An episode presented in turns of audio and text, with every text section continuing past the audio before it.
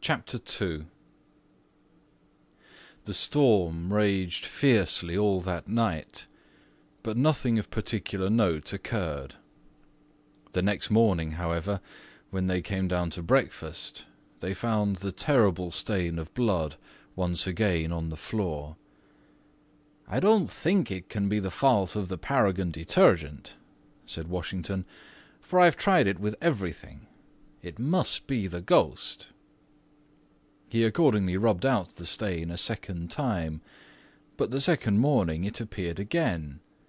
The third morning also it was there, though the library had been locked up at night by Mr. Otis himself, and the key carried upstairs.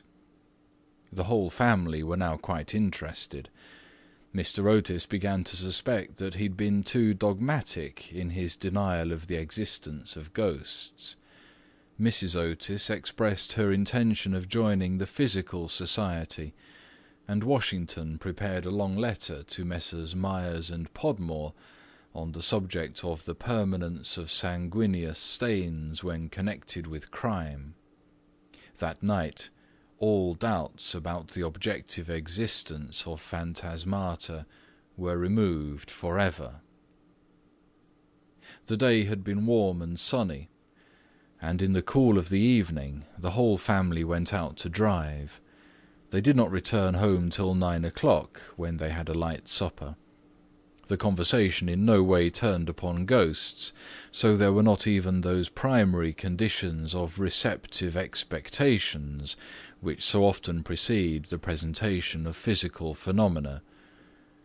The subjects discussed, as I have since learnt from Mr. Otis, were merely such as form the ordinary conversation of cultured Americans of the better class, such as the immense superiority of Miss Fanny Davenport over Sarah Bernhardt as an actress, the difficulty of obtaining green corn, buckwheat cakes, and hominy, even in the best English houses, the importance of Boston in the development of the world soul, the advantages of the baggage check system in railway travelling, and the sweetness of the New York accent as compared to the London drawl.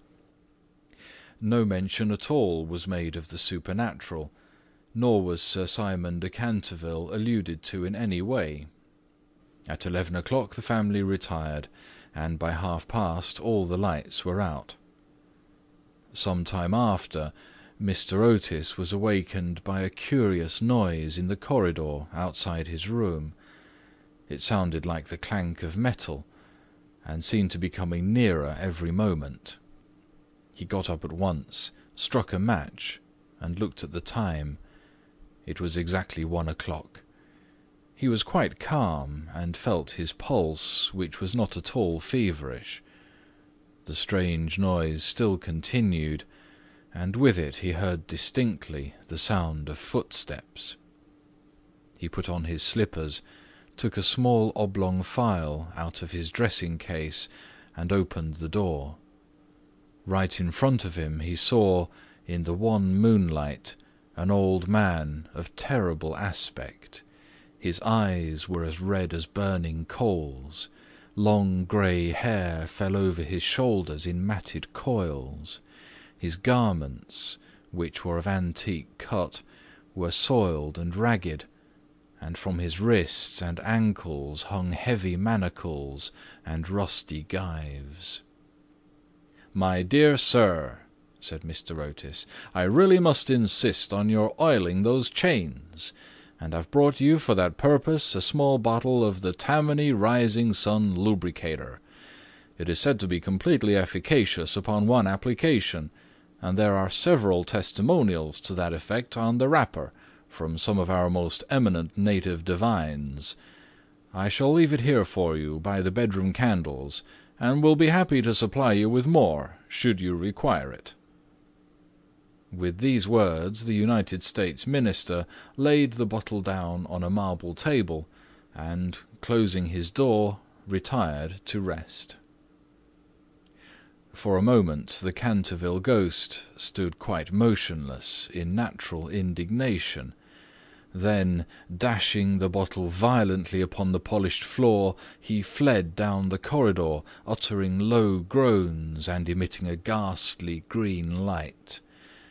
Just, however, as he reached the top of the great oak staircase, a door was flung open, two little white robed figures appeared, and a large pillow whizzed past his head.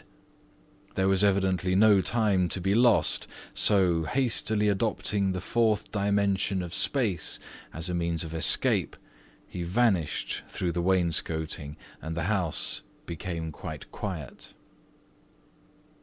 On reaching a small secret chamber in the west wing, he leaned up against a moonbeam to recover his breath and began to try and realize his position. Never in a brilliant and uninterrupted career of three hundred years had he been so grossly insulted. He thought of the Dowager Duchess whom he had frightened into a fit as she stood before the glass in her lace and diamonds, of the four housemaids who had gone into hysterics when he merely grinned at them through the curtain on one of the spare bedrooms, of the rector of the parish whose candle he'd blown out as he was coming late one night from the library and who had been under the care of Sir William Gull ever since, a perfect martyr to nervous disorders, and of old Madame de Tremouillac, who having wakened up one morning early and seen a skeleton seated in an armchair by the fire reading her diary, had been confined to her bed for six weeks with an attack of brain fever and on her recovery had become reconciled to the Church and broken off her connection with that notorious sceptic, Monsieur de Voltaire. He remembered the terrible night when the wicked Lord Canterville was found choking in his dressing room, with the knave of diamonds half way down his throat, and confessed just before he died that he'd cheated Charles James Fox out of fifty thousand pounds at Crockford's by means of that very card, and swore that the ghost had made him swallow it. All his great achievements came back to him again, from the butler who'd shot himself in the pantry because he'd seen a green hand tapping at the window pane, to the beautiful Lady Stutfield who was always obliged to wear a black velvet band around her throat to hide the mark of five fingers burnt upon her white skin, and who drowned herself at last in the carp pond at the end of the King's Walk.